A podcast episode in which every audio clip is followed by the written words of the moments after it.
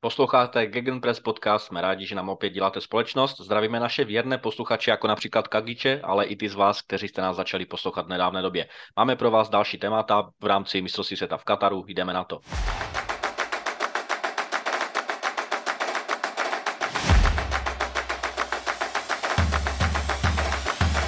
Naše první zastávka bude si myslím relativně čerstvá, jelikož se bude týkat eh, Foudna. Naše reakce ohledně zápasu Spojených států amerických s Anglií, na který zápas, na který já jsem se ohromně těšil. Výsledek 0-0 vůbec nereflektuje vývoj toho zápasu. Spojené státy, jak jsem odhadoval, nebyly vůbec do počtu. Myslím si, že naopak Anglie hodně rychle vystřízlivěla z toho prvního zápasu s Iránem 6-2 a zjistili, že ten boj ve skupině vůbec nebude jednoduchý. Spojené státy i myslím si, že i Wales, který teď má hodně nuž na krku, tak eh, budou těžkými soupeři pro Angličany. Ale já bych se chtěl zastavit právě u volby nenasadit tohoto výborného a ofenzivně laděného hráče do zápasu se Spojenými státy. Phil Foden zatím odehrál 20 minut e, v tom prvním zápase. Já si myslím, že jel na místo si seta jako jedna z největších ofenzivních hvězd e, z Premier League podle médií to byl právě ten hráč, který společně s Bukajem Sakou by měl táhnout celou tu, celou tu ofenzivní vozbu Angličanů. Nakonec se teda Southgate pro zápas se Spojenými státy rozhodl. Myslím si, že o něco defenzivnější styl hry, jsou teď v médiích názory, že eh, Southgate se už před zápasem rozhodl hrát na remízu, aby, aby ten zápas proti Walesu odehráli více méně s klidnější hlavou a vlastně s větší kontrolou a nevím, jak moc se to teda povedlo, nevím, jak moc teda ten zápas se Spojenými státy vlil optimismus, dožil Angličanů, protože ten zápas, já si myslím, že jim nevyšel. Vyšel naopak třeba Harry Maguireovi, eh, který za poslední, já nevím, dva roky je terčem drtivé kritiky jak v Premier League, tak v národním dresu, a, ale ten zápas zvládl si myslím hodně s přehledem, zejména ve vzduchu byl, byl si myslím výborný. Ale... On, on, ten, hmm. on ten, promiň Michal, jenom ten, on vlastně Maguire v té reprezentaci vždycky hraje o dost hmm. lépe, než, než to Manchesteru, prostě jak dříve hráli na tři, na tři obránce tak, eh, tak vlastně on, on tu obranu dost tvrdil a, a dost mu to tam šlo vždycky, vždycky v té Anglii. Myslím, že ten Southgate mu umí najít přesně tu pozici, která prostě je pro něj jako ložená a v tom United se mu nedaří hlavně kvůli tomu, že on je prostě zvyklý, je to takový ten klasický obránce prostě ze staré školy, no. Není to žádný rychlík a, a Southgate ví, co, co s ním má dělat, no. Já si myslím, že, já si myslím, že Southgate, eh, na tom se shodneme, Southgate asi je mu schopen uh, přišít tu lepší roli samozřejmě taky environment, že jo, v anglickém národním týmu je něco jiného než klub, klub a Anglii se de facto daří na, na turnajích procházet. Je to tak, no, je to, je to asi, asi určitě lepší situace, než teď hmm. vlastně United, kde tam je celá kabina rozhádaná, asi se tam eh, dost, krom toho Ronalda, řeší, řeší Bruno Fernandes, se kterým oni si prý řeší v kabině eh, nějaké, jak kdyby to byly holky na střední, že si tam, tam tiše něco, něco špitají, takže určitě, no, určitě máš mm-hmm. pravdu. No a já jsem se teda podíval na statistiku z, uh, ohledně, ohledně toho zápasu Anglie, Spojené státy. Uh, zdrojem mi byl uh, server WhoScored a tam jsem se podíval na zajímavou statistiku ohledně, když jsem si porovnal Phila Foudna a Rahima Sterlinga, Raheem Sterling eh, na tomto šampionátu zatím odehrál 139 minut, což je výborná porce pro něj, když to vezmeme do kontextu, jakým způsobem hraje v Chelsea. A, no a Phil Foden, že jo, naopak Manchester City vychoval výborného ofenzivního hráče, ač já mu osobně eh, z osobních eh, sympatí mu zrovna nefandím, ale dokážu uznat, že je prostě výborným hráčem. A Phil Foden teda za těch 20 minut eh, na, na hřišti v rámci mistrovství světa stihl v průměru udělat eh, jednu kličku za zápas, když to takhle řeknu, ale v rámci těch 20 minut, která vedla k, eh, k přečíslení a vyprodukoval jednu klíčovou přihrávku, která vedla k nějaké minimálně pološanci.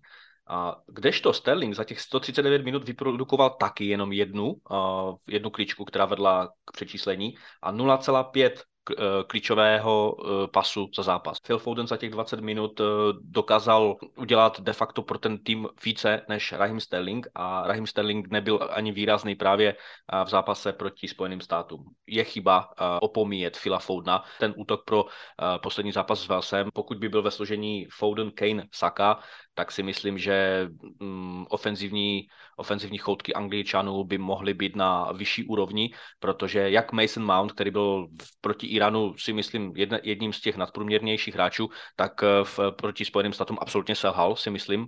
A co se týče zase na, na druhou stranu Spojené státy nevyužili ty svoje šance, byly tam nějaké tyčky břevna, podali parádní výkon, ale nakonec je z toho čisté konto na obou stranách a uh, myslím si, že oba dva, oba dva týmy z toho můžou profitovat, protože Spojené státy taky budou našlapané v tom posledním zápase a můj typ v rámci preview skupin, že postoupí Angličané společně se Spojenými státy, začíná mít reálné obrysy. Já si myslím, že to bude ještě, ještě dosti zamotané. Mm-hmm. Vlastně Wales má nůž na krku do posledního zápasu a hraje se svým britským soupeřem uh, z Anglii, takže si myslím, že to bude opravdu těžký zápas pro Angličany, protože Welshané budou hrát určitě tvrdě minimálně.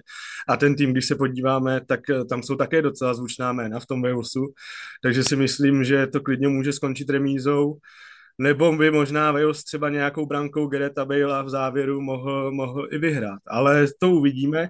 On i ten druhý zápas USA s Iránem, ten uh, Iránci se určitě vybičují proti svému největšímu nepříteli, takže, takže to, bude, to bude také zajímavé a krom toho se mi docela líbil i ten jejich výkon, výkon proti Walesu. Rozhodně se s Iránem myslím, že musí počítat a Aha. co mám tak zprávy od, od známé, co, co je momentálně v Iránu, tak mi říkala, že dost, dost lidí eh, tím fotbalem tam žije, jak tam mají ty protesty a tak, tak je to takové jediné odreagování teď aktuálně od toho, od těch politických bojů a třenic, co se tam děje a celá země jako fandí. Takže myslím si, že to, že to bude velice složité pro Američany. A já bych typl, že by mohl postupit i ten Irán ze skupiny, ale mohl by i Wales.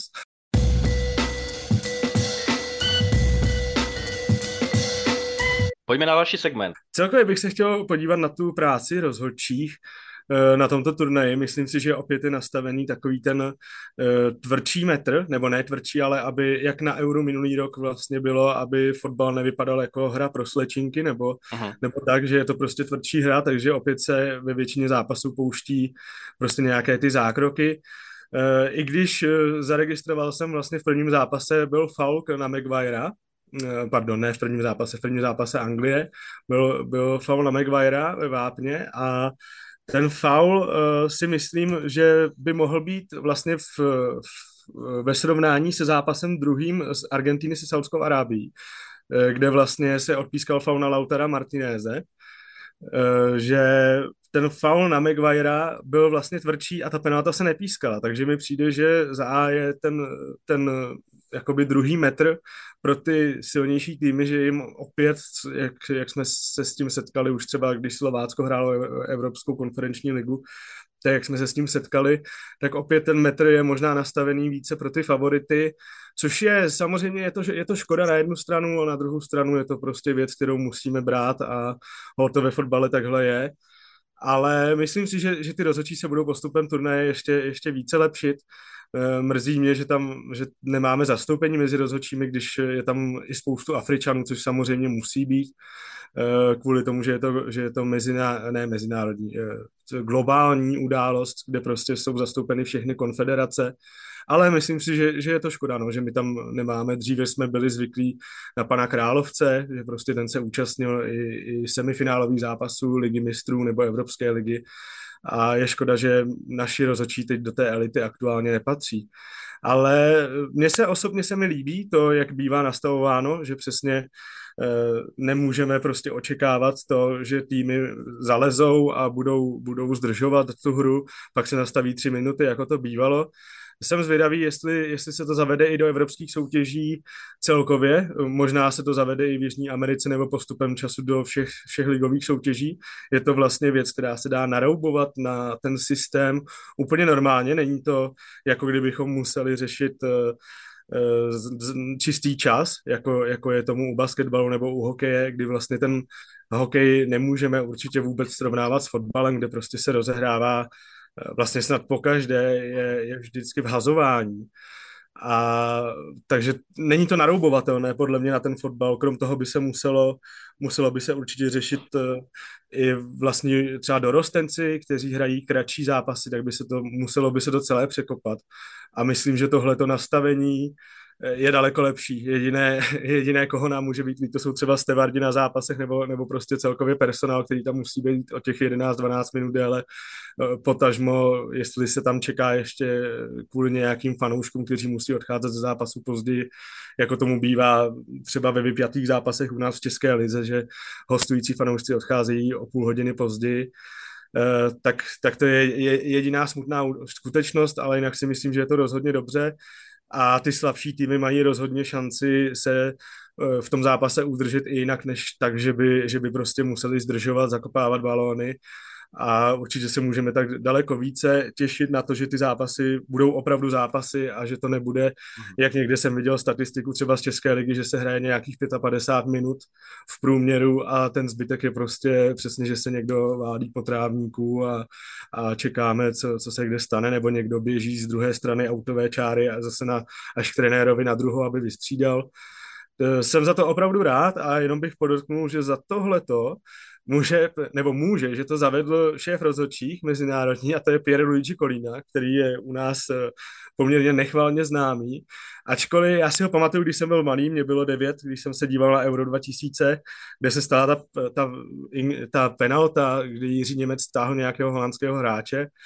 A já nevím, no, myslím si, že to možná bylo dobře písknuto, ještě tam byl, byl potom nějaký rozporující moment další, kdy, kdy nás Kolína eh, zaříznul ale myslím si, že on opravdu asi, asi bude opravdu výborný rozhodčí, co jsem se i díval uh, vlastně na sociální sítě po celém světě, tak uh, fanoušci ho většinou oslavují, nemá, nemá uh, je to snad jediný rozhodčí, který nemá vyloženě žádného hejtra, že by někdo říkal, že, že Kolina udělal něco vyloženě špatně. A byly párkrát na něj v průběhu některých zápasů záběry a opravdu ten jeho přísný pohled, já bych se ho bál jako fanoušek snad normálně, než nedivím se hráčům, že mu nikdo neodporoval, no ten jeho zjev eh, a přísný pohled to opravdu stojí za to. Takže rozhodně jsem za tohle rád, jsem zvědavý, jak se to naroubuje na ty, na ty evropské soutěže dále, potažmo celosvětově. A myslím si, že tohle je daleko lepší než ten, než ten čistý čas. No. Uh-huh. No já s tím souhlasím, co se týče toho, toho nastavování ve vyšší míře. Rozhodně uh, už jsme probírali i v naší první sezóně v rámci našeho Gegenpress podcastu, uh, kde jsem uh, vyslovil svůj vlastní názor v tom smyslu, že pokud hráči poléhávají na hřišti, je těžké někdy odhadnout, jestli je opravdu něco bolí nebo ne, a když dáme stranou třeba Neymara nebo takhle. Ale na druhou stranu věřím tomu, že je snadno ohlídatelné, aby každý hráč, který poléhává, dejme tomu jednu, dvě, tři, čtyři minuty, a potom je poslaný uh, za, za čáru na ošetření, ale spoza, spoza čáry se vrací do hry třeba za, za 20 vteřin, za 10 vteřin a tak dále. Za tou čárou uh, v rámci ošetřování by měl uh, se trvat stejnou dobu, jako, jako kterou ležel zkrátka na hřišti. To znamená, pokud ležel na hřišti 3 minuty, tak by mělo jeho ošetřování zabrat 3 minuty a poté, te, teprve posléze by měl být uh, navracen zpátky do hřiště. Co se týče toho podlužování a nastavování, já jsem jedině pro. Uh, samozřejmě může to někdy vypadat zvláštně, pokud je nastavováno 10 minut a vidíme v prvním poločase uh, 45 plus 10 a někdy to připomíná opravdu soutěže z Jižní Ameriky, které jsou prošpikované korupcí.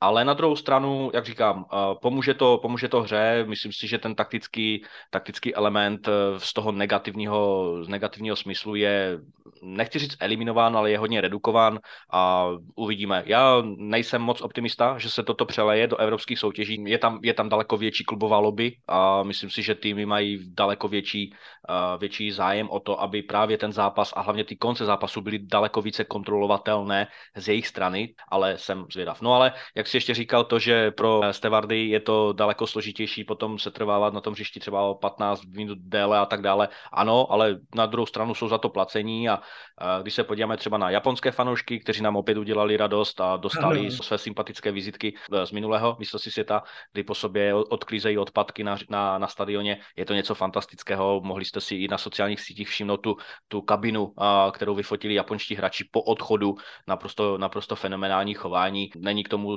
moc co dodat. Prostě Japonci sympatický výkon proti Německu, ke kterému se teď dostaneme, ale ti stevardí, samozřejmě je to jejich práce a já jsem zatím rád, že zatím nepřišel na řadu žádný nějaký konflikt, co se týče vběhnutí hráče na hřiště, eh, nějaké, nějaké protest grupy, která by byla proti Kataru nebo proti prostě jakémukoliv tamnějšímu režimu a tak dále. Já, já jsem zaznamenal, že jediný incident, nebo co se tak nějak více řešilo ohledně protestování fanoušků, takže byli angličtí, angličtí angličtí fandové oblečení v křižáckých, eh, jako křižácká výprava, ale oni takhle jezdí na zápasy často a takže to zbudilo spíš jenom pozdvižení a když se ptali jednoho z těch fanoušků, tak on říkal, že protestuje proti drahému, drahému, uh, drahému nealkopití a drahému celkově občerstvení. Takže to bylo jediné, bylo to spíš takové úsměvné. Ještě nás čeká spoustu věcí, ale zatím je to, myslím, pořadatelsky velmi dobře zvládnutý turnaj. Já doufám, že se nějakých incidentů uh, vyhneme.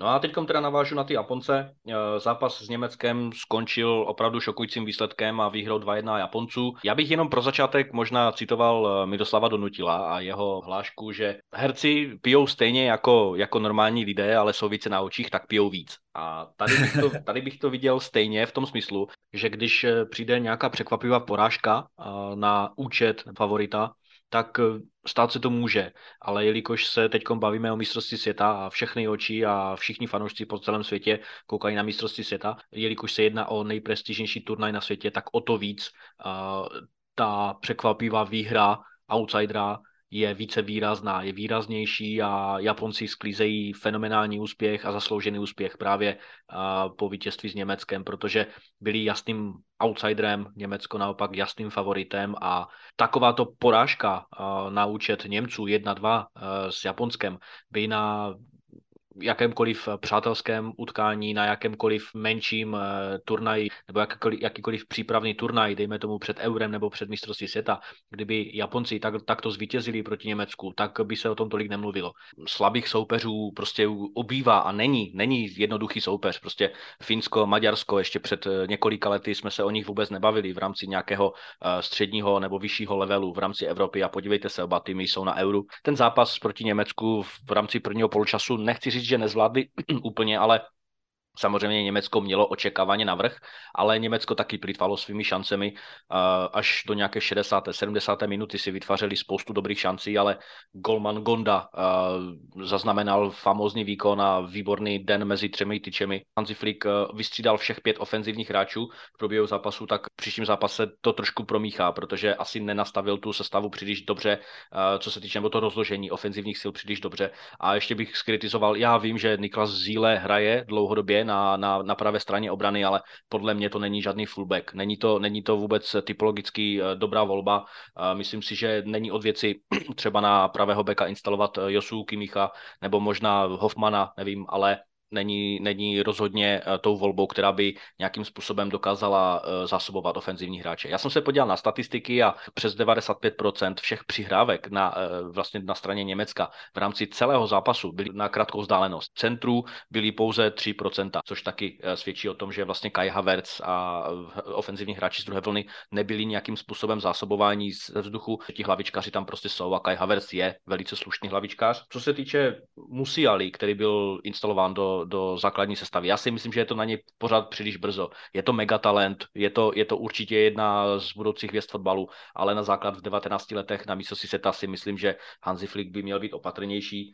Další zápas Německa eh, je proti Španělsku a tam si myslím, že to bude takovým tím typickým soubojem o střed hřiště. I třeba Schlotterbeck eh, na, na pozici levého stopera propadl právě u toho druhého gólu, kdy nedostupoval svého protihrače úplně a de facto mu vyklidil cestu až, až eh, do malého vápna ten, ten gol, který, byl, který, který padl na 2-1, tak vůbec nemusel být. Německo určitě v tom zápase proti Španělsku bude muset zapracovat na zlepšení produktivity. Předpokládám, že Německo bude cílit na výrazném zlepšení uh, distribuce míče a recyklace míče na, napříč celým hřištěm. Očekávám celkem výrazné překopání uh, ofenzivních uh, hráčů v, sestav, v základní sestavě proti Španělsku čekám, že Musiala půjde dolů a já sám jsem zvědav, teda jestli na straně pravého fullbacka bude opět nastupovat Niklas Zíle, nebo jestli tam přijde někdo jiný.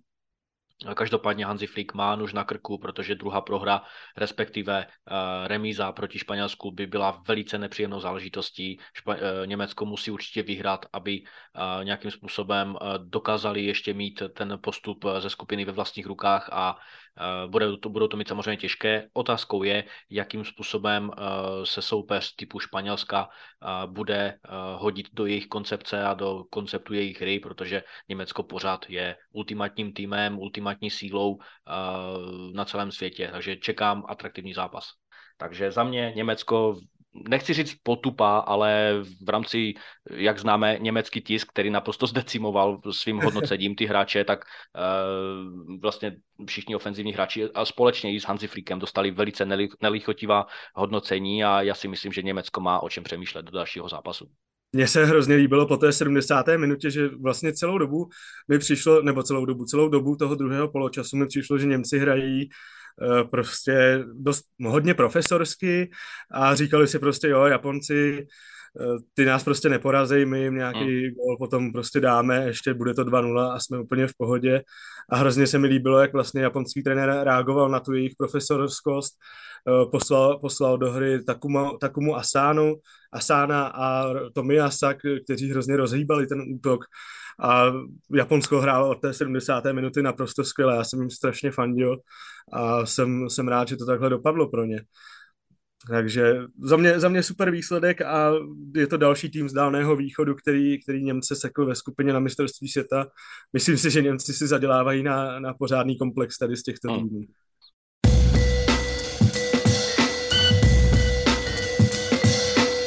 OK, tak do našeho posledního segmentu pojďme se podívat na uh, víkendový zápas, uh, co se týče sobotního programu. Francie-Dánsko od pěti hodin našeho času. Já si myslím, že nás čeká zajímavá podívaná. Oba jsme typovali Francii, že by mohla mít problémy, ale vlastně ti nás tím výsledkem a výkonem proti Australanům hodně vyvedli z omilu a ten zápas proti Dánsku by mohl být zajímavou, vyrovnanou taktickou partií, ale na druhou stranu naopak Dánové mě trošku zklamali, takže favorizuju Francii, eh, že společně zase to duo Žiru Bape by mohlo fungovat naprosto, naprosto fenomenálně. No a na zápas v 8 hodin našeho času večer Argentina-Mexiko, na ten se hodně těším. Eh, určitě budu fandit Mexičanům, doufám, že přijde jejich výhra, vlastně, na kterou čekali už vlastně v tom zápase proti Polákům, ale e, skore 0-0 taky si myslím nereflektovalo ten vývoj zápasu, podobně jako Anglie, USA a. Já si myslím, že budou hodně našlapaní na Argentince, e, bude záležet na taktické přípravě, aby, aby e, vyhighlightovali ty slabiny argentinské hry ze zápasu se Saudskou Arabií a věřím tomu, že Mexičané mají veškerý potenciál k tomu, aby brali zajímavou výhru výhru proti Argentincům a aby tak vytvořili další, další pozdvižení na tomto turnaji.